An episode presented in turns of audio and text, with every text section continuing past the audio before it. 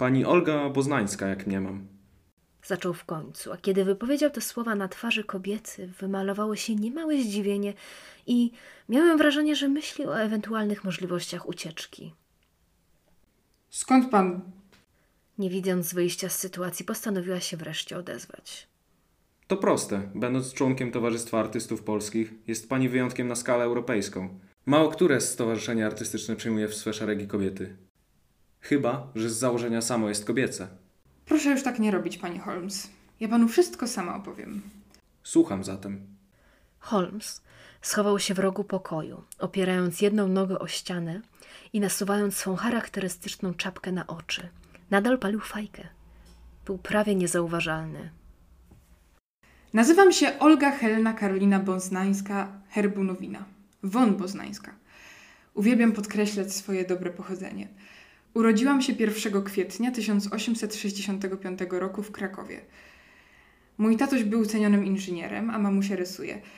To po niej mam talent i zamiłowanie. To mamusia mnie pierwsza nauczyła. Mamusia przyjechała do Polski z Francji jako guwernantka. Mam też młodszą o 3 lata siostrę Izabelę Antoninę Ewelinę. Obie mówimy po niemiecku, angielsku i francusku. Mamusia nas nauczyła. Jako dziewczęta uczyłyśmy się w domu. Mamusia bardzo dbała o nasz rozwój artystyczny. Izunia na początku też malowała, ale potem zaczęła grać na fortepianie. W 1879 roku razem z rodzicami odwiedziłyśmy Paryż, a dwa lata później odwiedziłyśmy wujaszka w Wiedniu, gdzie podziwiałyśmy pracę Diego Velázqueza. Później uczyłyśmy się u Józefa Siedleckiego i Kazimierza Pochwalskiego i pod ich okiem tworzyłyśmy reprodukcje. Następnie poszłam na Wydział Artystyczny Wyższych Kursów dla Kobiet Adriana Baranieckiego, która to szkoła jako jedna z niewielu przyjmuje kobiety. Na lekcjach rysowałyśmy zazwyczaj z gipsowego odlewu niż z żywego modela, co z perspektywy czasu było nic nie warte. Uwielbiałam za to swoich nauczycieli historii sztuki, Mariana Sokołowskiego i Konstantyna Marię Górskiego. Dzięki nim zaczęłam marzyć o studiach z prawdziwego zdarzenia. Namiętnie malowałam pejzaże i pierwsze portrety. Nie każda kobieta ma dostęp do edukacji w tych czasach, oj nie. Ale my miałyśmy szczęście. W wieku 21 lat wyjechałam zupełnie sama na studia do Monachium. W wieku 21 lat wyjechałam zupełnie sama na studia do Monachium. Marzyłam co prawda o Paryżu, ale tatuś bał się złego wpływu, jakie mogłoby mieć na mnie to wszystko. Oczywiście mogłam myśleć tylko o prywatnych uczelniach i choć nie podzielałam artystycznych wizji moich nauczycieli, to dopiero w Monachium nauczyłam się naprawdę malować. No cóż, jest to jeden z największych ośrodków artystycznych Europy, do którego zjeżdżają studenci z całego kontynentu. Nie ma co narzekać. W 1886 roku po raz pierwszy zaprezentowałam swoje obrazy w Towarzystwie Przyjaciół Sztuk Pięknych, Kamedułę i Staruszkę. Prawie nie jadłam. Praca zajmowała mi tyle czasu. Oczywiście chodziłam też do muzeów i galerii podpatrywać innych twórców i potem kopiowałam dzieła mistrzów. Tak wiele można się dzięki temu nauczyć. Monachium stanowiło też dobre miejsce do zapoznania się z nowinkami. Inspirowałam się i poszukiwałam. W końcu otwarłam własną pracownię po trzech latach. Wreszcie mogłam być niezależna artystycznie. Tematów szukałam w codzienności. Bardziej niż forma interesowały mnie niuanse kolorystyczne. Dziewczynkę z burzą złotych włosów i ciemnymi jak atrament oczami malowałam wiele razy. Jednak najbardziej znana jest chyba z mojego obrazu, na którym trzyma chryzantemy. Malowałam martwe natury, wnętrze mojej pracowni, ale interesowała mnie też sztuka japońska. Kolekcjonowałam różne japońskie rekwizyty, aby później wpleść je w kompozycję moich obrazów. Jednak najbardziej fascynuje mnie malowanie portretów. Uwielbiam malować prawdziwe twarze. Prawda twarzy, bez upiększeń, może dla banalnych smaków wyda się brzydka, nigdy dla wyrafinowanych. Typ czy rasa zawiera w sobie charakter i to jest właśnie piękno. W tym siedzi dusza myśląca, pracująca, cierpiąca, znużona lub umęczona. Cóż to rozkosz malować rękę, zwłaszcza gdy jest piękna, sucha, żylasta o długich palcach. Każda ręka ma swój wyraz, swój temperament i charakter. Jest ona dopełnieniem psychologicznym twarzy. W 1894 roku dostałam złoty medal za obraz Portret Paula Nuena. Najpierw on namalował mnie. Podobno istnieje jakaś fotografia tego portretu. Sam malunek został zniszczony, bo się Nuenowi nie spodobał. A potem on przyszedł do mojej pracowni. Pamiętam. To było w środę. Deszcz mżył. Otwierają się drzwi i wchodzi z poniesionym kołnierzem wykwintny Nauen. To był mój obraz. On był mną taki oczarowany i mieliśmy się pobrać. Już miałam suknię, ale jakoś nie wyszło. Chociaż całe Monachium już wiedziało. Gdy miałam 30 lat, berlińskie pismo Bazar uznało mnie za jedną z 200 najlepszych malarek w Europie. Wyjątkiem był Kraków, co moim zdaniem świadczy o zaściankowości tego miasta. Ach, te, złe, ach, te złośliwe komentarze nierozumiejących mojej sztuki zazdrośników. Cała ta zgraja musi zazdrościć mi mojej twórczej swobody. Dostałam propozycję objęcia katedry malarstwa na Wydziale dla Kobiet w krakowskiej Szkole Sztuk Pięknych. I owszem, byłabym pierwszą kobietą na tym stanowisku, ale nie wytrzymałabym tam. Nie będę się poświęcać, co to, to nie. Widzę, że zanudzam panów. To może smaczek z życia prywatnego obudzi trochę towarzystwo. Tak, był ktoś. Nazywa się Józef Czajkowski. Jest malarzem, architektem. Zaręczyliśmy się. Niestety on wyjechał do Krakowa, a ja, jak już wspomniałam, nie mogę wytrzymać w tym mieście. Jestem tam nieszczęśliwa. Zamiast podążać za niskimi rządzami, wyjechałam do Paryża.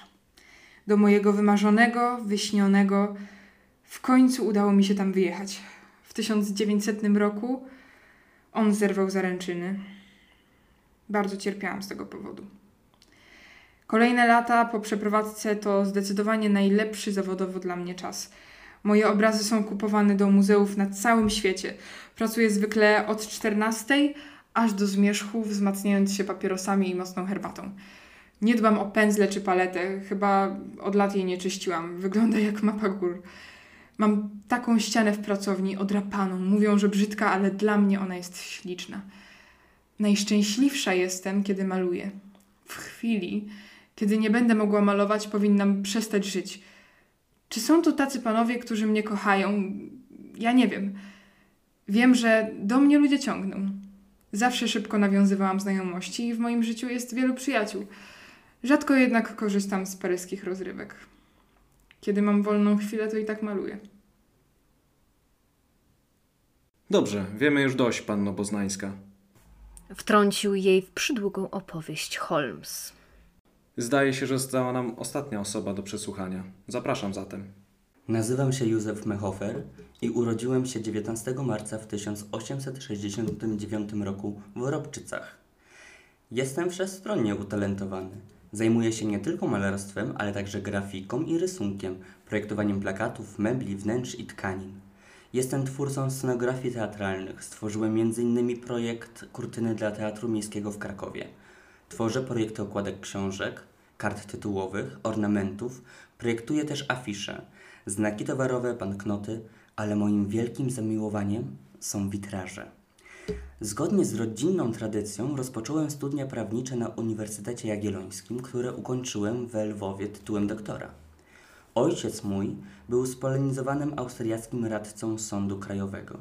Jednocześnie rozpocząłem studia na Akademii Sztuk Pięknych. Moimi wykładowcami byli Jan Matejko i Władysław Łuszkiewicz. Współpracowałem z Wyspiańskim, który urodził się w tym samym roku co ja i w tamtym czasie był moim przyjacielem przy tworzeniu polichromii w kościele mariackim. To znaczy, ściany i sufity zrobiłem, malowałem wielobarwnie. Oczywiście Wyspiański brał również udział we wspomnianym już przeze mnie konkursie na kurtynę. Żaden z nas jednak nie zwyciężył. Wygrała wtedy Janina Bogucka, a drugie miejsce zajął Tomasz Lisiewicz, którego praca nawiązywała do mitologii słowiańskiej. Jednak wynikiem konkursu nie gwarantowały, że kurtyna zwycięzcy zawiśnie w teatrze. Pff, po co w ogóle taki konkurs? Kurtynę zamówiono u Henryka Siemirackiego, który udział w konkursie nie brał. Tak on był kimś, miał nazwisko, był światowej sławy mistrzem związanym ze schyłkową już fazą akademizmu. My, jako młodzi przedstawiciele nowego pokolenia symbolizmu, nie mieliśmy szans w ograniczonym i zamkniętym Krakowie, ale i on pracę swoją wykonał honorowo. Potem obaj z Wyspiańskim wyjechaliśmy na stypendium do Francji, gdzie wspólnie wynajmowaliśmy mieszkanie. Malarstwo studiowałem w Krakowie, Wiedniu, Pradze i Paryżu. W 1895 roku zwyciężyłem konkurs na witraż Apostołowie do katedry świętego Mikołaja we Frymburgu w Szwajcarii. Dzięki temu otrzymałem zlecenie na wykonanie ośmiu witraży do tejże świątyni. To jest praca mojego życia. Ona mi przyniosła międzynarodowy rozgłos. W 1900 roku objąłem funkcję docenta malarstwa religijnego i dekoracyjnego krakowskiej ASP, a pięć lat później otrzymałem tytuł profesora zwyczajnego. Jestem członkiem założycielem Towarzystwa Artystów Polskich Sztuka. Swoje dzieła prezentowałem na wielu wystawach w najróżniejszych miastach Europy: w Wiedniu, Berlinie, Paryżu, Monachium, Dreźnie i wielu, wielu innych. Częstą inspiracją moich obrazów jest moja żona Jadwiga, która również ukończyła studia malarskie w Monachium. Uwieczniam ją głównie na portretach. Panowie, mam teraz fantastyczny okres swojej twórczości. Lato, 1902 rok. Było tak upalne, że wraz z żoną i synkiem wybraliśmy się do Sielec, koło pod krakowskich Krzeszowic, gdzie spędziliśmy wakacje. Ogrody panowie to jest pole, przestrzeń dla wyobraźni. Są centrum mojego malarstwa. Tam w Sielcach rozpocząłem i w 1903 roku kończyłem mój obraz Dziwny Ogród. Na obrazie jest oczywiście Jadwiga wraz z naszym synkiem Zbigniewem. To jest kwintesencja mojej tożsamości artystycznej. Sztuka zawsze przetwarzała i przetwarzać będzie naturę, doszukując się w niej stylu. Jest tak typowy dla sztuki tego okresu, końca XIX i XX wieku. Proszę tylko spojrzeć. Proszę spróbować odgadnąć symbolikę. Na tak wiele sposobów można go interpretować. Strefa rzeczywistości stapia się ze strefą wyobraźni. Realność zaś przenika się z sakrum. A właśnie, a propos ogrodów, tak bardzo pragnąłem mieć swój ogród. W zeszłym roku zakupiliśmy z żoną posiadłość, nasz pierwszy dom, oczywiście z ogrodem. Czy wspomniałem, że projektowaniem ogrodów również się zajmuję? Nie? A wracając do tematu o domu, to posiadłość w Janówce obok Wieliczki, oczywiście z ogrodem. A, mówiłem, że z ogrodem. Do zakupu namówił mnie mój przyjaciel, wydawca z Wieliczki, Jan Czarnecki.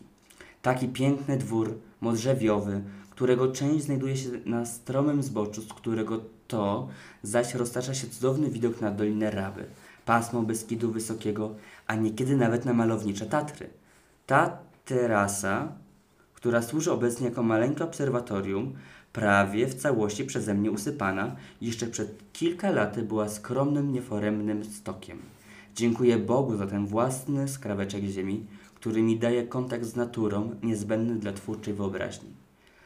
Przesłuchaliśmy już wszystkich podejrzanych. Sherlock niestety został pilnie wezwany i powrócił już do Anglii.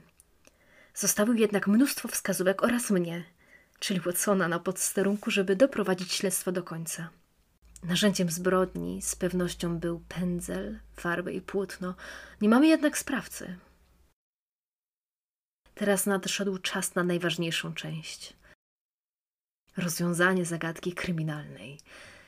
Na podstawie przedstawionych życiorysów, wskazówek w nich zawartych, musimy wytypować fałszerza. Kto jest winny? Według przedstawionych życiorysów, Olga Boznańska świetnie odnalazłaby się w roli fałszerza sztuki. W końcu sama opowiadała, jak kopiowała dzieła wielkich mistrzów. Nigdy jednak nic nie wiadomo. W końcu mamy do czynienia z wielkimi malarzami, nie tylko polskimi, ale wielkimi na skalę europejską. W ten sposób dotarliśmy do końca naszego spotkania z wielkimi artystami i małego psikusa doktora Watsona w postaci historii o fałszerstwie, które nigdy nie miało miejsca.